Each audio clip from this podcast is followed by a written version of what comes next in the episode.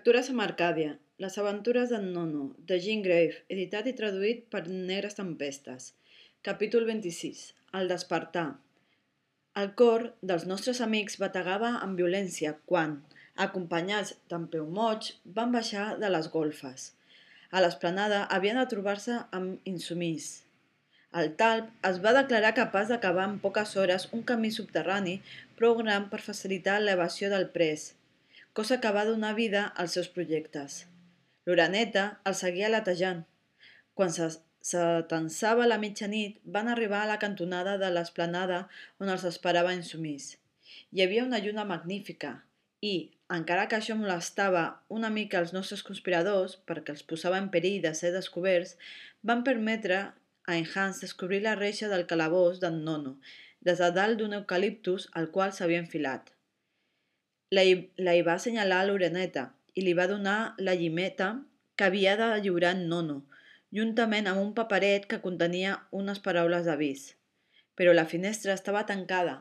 Calia, doncs, cridar l'atenció del pres perquè l'obrís. En Hans i en Namab van tenir la inspiració de cantar una improvisació sobre una de les seves tonades preferides. Per precaució, no van deixar els seus els seus instruments i van anar tocant amb alguns establiments del seu camí abans de presentar-se al lloc de la cita. Abaixant el to de, la, de les veus i afinant els instruments en el to menor perquè el seu cant arribés fins al nono sense cridar l'atenció dels sentinelles, als quals els arribava com un, e un eco llullà. Van pre preludiar la seva melodia preferida, adaptant-la amb aquesta improvisació. Sol va descendir, al seu ocàs. Van arribar a la nit serena. Oh, desgraciat, que penes! Sàpigues que s'apropa el termini, que el teu dolor pos posarà fi. Les notes que precedien aquesta cançó van arribar en nono, en el moment en què començava a sentir l'espècie de letargia que ja feia temps que substituïa el son reparador dels dies feliços de la seva llibertat. Les paraules consoladores, les veus reconegudes, la vaga esperança convertida en promesa positiva, el van fer sentir tan profund, tan immens, tan absolut, que aquell calabós va tenir per, per al pres el valor infinit d'un univers, i van sentir en ell mateix el que a través dels segles sentiria una, una humanitat sencera si pogués reunir-se en una sola persona.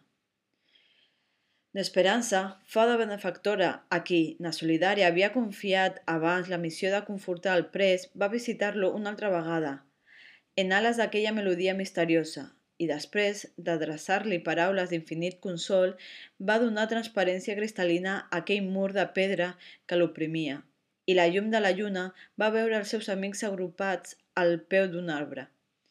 La visió va ser ràpida, l'esperança va desaparèixer de seguida i el calabós va tornar al, a la seva foscor habitual. El cor del pres bategava amb una violència increïble. El dubte començava a inspirar-li la idea de que tot allò era una invenció de la seva fantasia, quan un nou preludi el va reformar en aquella feliç realitat. Els seus amics li deien amb una veu més dolça encara «Apunta, feliç aurora!» Nunci de feliç dia, que donarà pau i alegria al pobre germà que plora la llibertat perduda. Quan els cantants van callar, els ulls del captiu estaven plens de llàgrimes.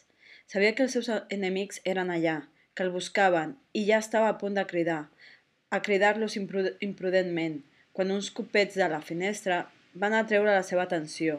Amb grans dificultats enfilant-se per la paret com un insecte, va poder arribar fins a la finestra i obrir-la. Una oreneta va entrar a l'estança. El bec hi duia un paquet que va lliurar en Nono. Era la llima que ja coneixem i una carta on en Hans li deia que llimés les cadenes i que, quan sentís tres cops a terra, aixequés la pedra sota la qual sentís el soroll. Acabava recomanant-li que es fiqués sense pa sense por pel forat que hi, ha, que hi veuria. En Nono va desposseir-se dels grillons, e un no res, tan gran era l'eficàcia de la llima. Va esperar durant una estona que li va semblar interminable, a causa de l'impaciència, i a la fi van sonar els tres cops esperats. Empès per una força desconeguda, va apartar d'una estrabada la pedra assenyalada pels cops i va quedar al descobert un forat estret però prou ampli per permetre un pas d'un home que anés a quatre grapes. Uns instants després, en Nono era lliure i estranyia contra el seu cor Namab i en Hans, que reien i ploraven alhora i no sabien com expressar els sentiments que els posseïen. Fins i tot, en Peu Moig, igual que el Talp, van participar d'aquelles amistoses acarícies. Però en Hans volia fugir molt de pressa.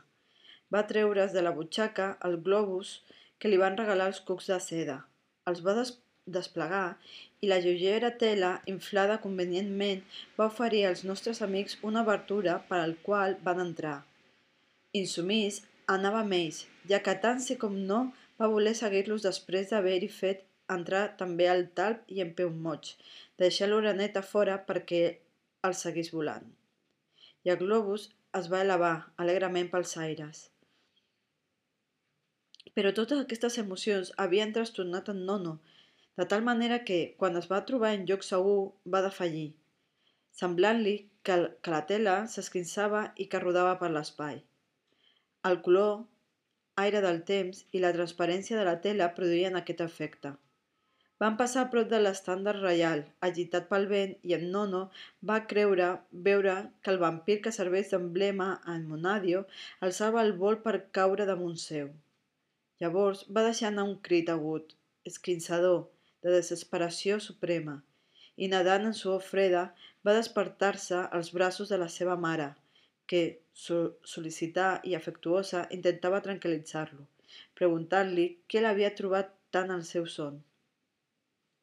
Per al cert és que el nostre pseudoviatger, que com recordarà a l'actor es va lleurar amb el cap ple d'històries, acabava de somiar les aventures que hem explicat. Encara anhelós i fatigós, va explicar a la mare les fases generals de la mare, no hi ha fades ni bruixes ni animals parlants, a excepció dels lloros i les garces, i fins i tot aquests no fan més que repetir algunes paraules que els ensenya. Et trenques el cap amb les teves lectures i això és el que et produeix aquests malsons. Vinga, xiplet, dorm una mica i deixa aquestes bestieses. I deia això mentre l'estrenyia entre els braços i el cobria de sonors petons maternals. Però el pare, que havia arribat a temps d'escoltar el relat del somni, va dir al nen. La mare té raó. No hi ha fades i al món no hi ha passa res que no pugui explicar-se per raons naturals. Però saps bé que els llibres de contes que llegeixes sota el relat d'esdeveniments meravellosos acostuma a ocultar-s'hi una veritat o un pensament que es considera verdader i just. I el teu somni, per ser el d'un nen de la teva edat, em sembla que conté moltes coses que potser superen el teu enteniment.